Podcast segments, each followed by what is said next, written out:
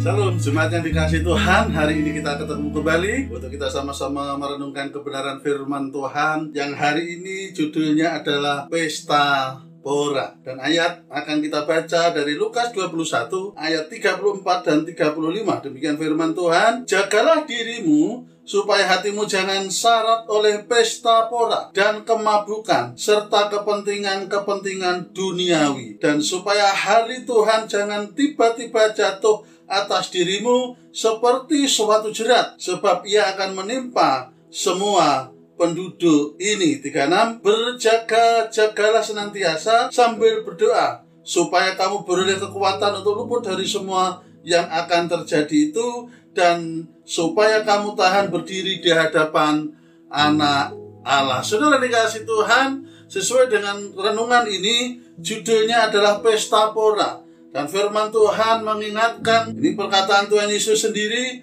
berkata, jagalah dirimu, jangan syarat oleh pesta pora, kemabukan, serta kepentingan-kepentingan dunia. Kenapa demikian? Orang yang berpesta, apalagi sampai mabuk, itu biasanya lupa segalanya. Termasuk orang yang begitu mencintai dunia ini. Mungkin dia sedang mengerjar sesuatu, menginginkan kebahagiaan yang dia inginkan, yang dia impikan sehingga melupakan bahwa di dunia ini hanya sementara dan saatnya akan tiba Tuhan menghampiri kita semuanya. Hari Tuhan datang kepada saudara dan saya.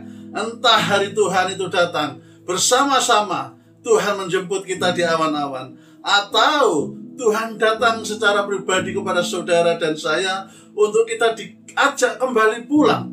Nah, ketika seorang berada dalam keadaan tidak sadar, Apakah kita sudah siap dengan keberadaan kita? Sehingga ketika Tuhan Yesus datang, apakah didapati iman di dalam kehidupan kita, di dalam hati kita, di tengah kesibukan kita, di tengah kegiatan kita, di tengah segalanya. Jangan pernah terlena bahwa kita di dunia ini ada saatnya suatu kali kelak kita akan kembali kepada Tuhan.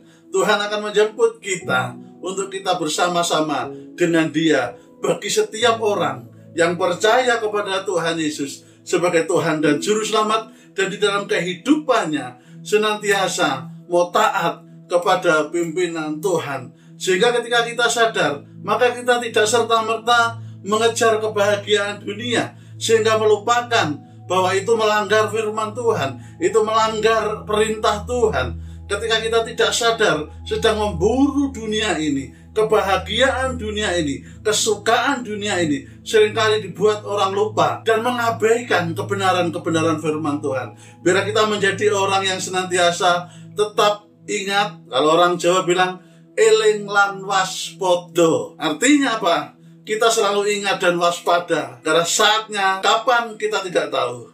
Tetapi ketika kita siap semuanya, maka kita akan menjadi orang orang yang berbahagia karena bertemu muka dengan muka dengan Tuhan Yesus Allah yang mengasihi saudara dan saya. Tuhan Yesus memberkati kita semuanya. Immanuel.